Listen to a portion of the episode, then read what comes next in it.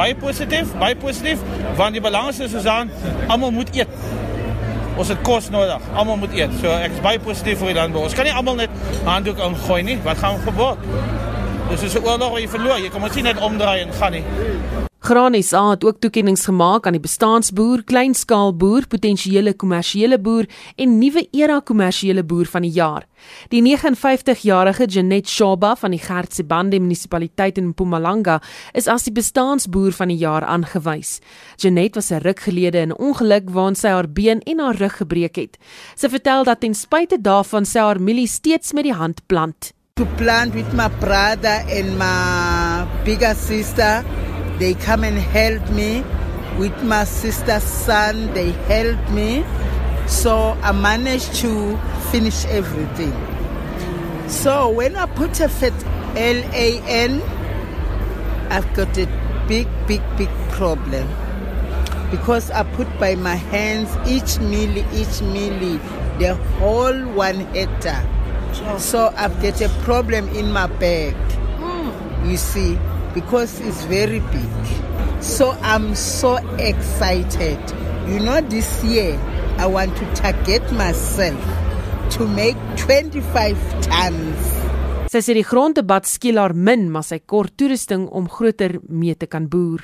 You know what I think in my own, like now, if I've got a small farm, you see, I can manage to fight and go ahead, you see. To support South Africa. So as long when I've got tractor to manage to help me and then I continue to do everything because Glen SA make me a big sense now to do a planting and weeding, everything you see. That's fun. Die nuwe era kommersiële boer van die jaar is Jeremiah Makashini Matebula. Hy sê hy het grond van die regering ontvang, maar hy kort die titelakte om 'n mega boer status te kan bereik. Matebula sê grondhervorming kan suksesvol toegepas word in Suid-Afrika, want hy is 'n voorbeeld daarvan. Yes, uh, actually, um, I've worked very hard for the past five years. I've been working uh, very hard. I wanted to make sure that I achieve and I work and uh, as a commercial farmer. And uh, the issue with the, the, the title deed is that when you go to the bank, they ask you that do you have collateral or do you have anything so that we can we, we can assist you with more funds? Because what is happening uh, you need to acquire more funds. You need access to finance in order to grow your business or your farming business and to benefit throughout the value chain of the agricultural sector. But without finance access to finance it's a big stumbling block for all other uh, developing farmers that are out there.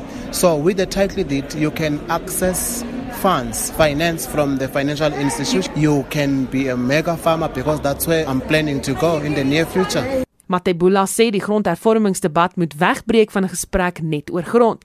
Hy sê boere het meer as net dit nodig.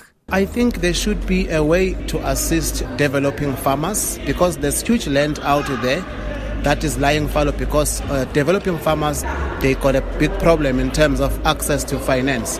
So i think there should be a system a system need to be born or a mechanism need to be born whereby development farmers through financial institutions government business leaders they have to come together and say look let's come up with a fund or a subsidy that will assist developing farmers to become commercial farmers and to upgrade their infrastructure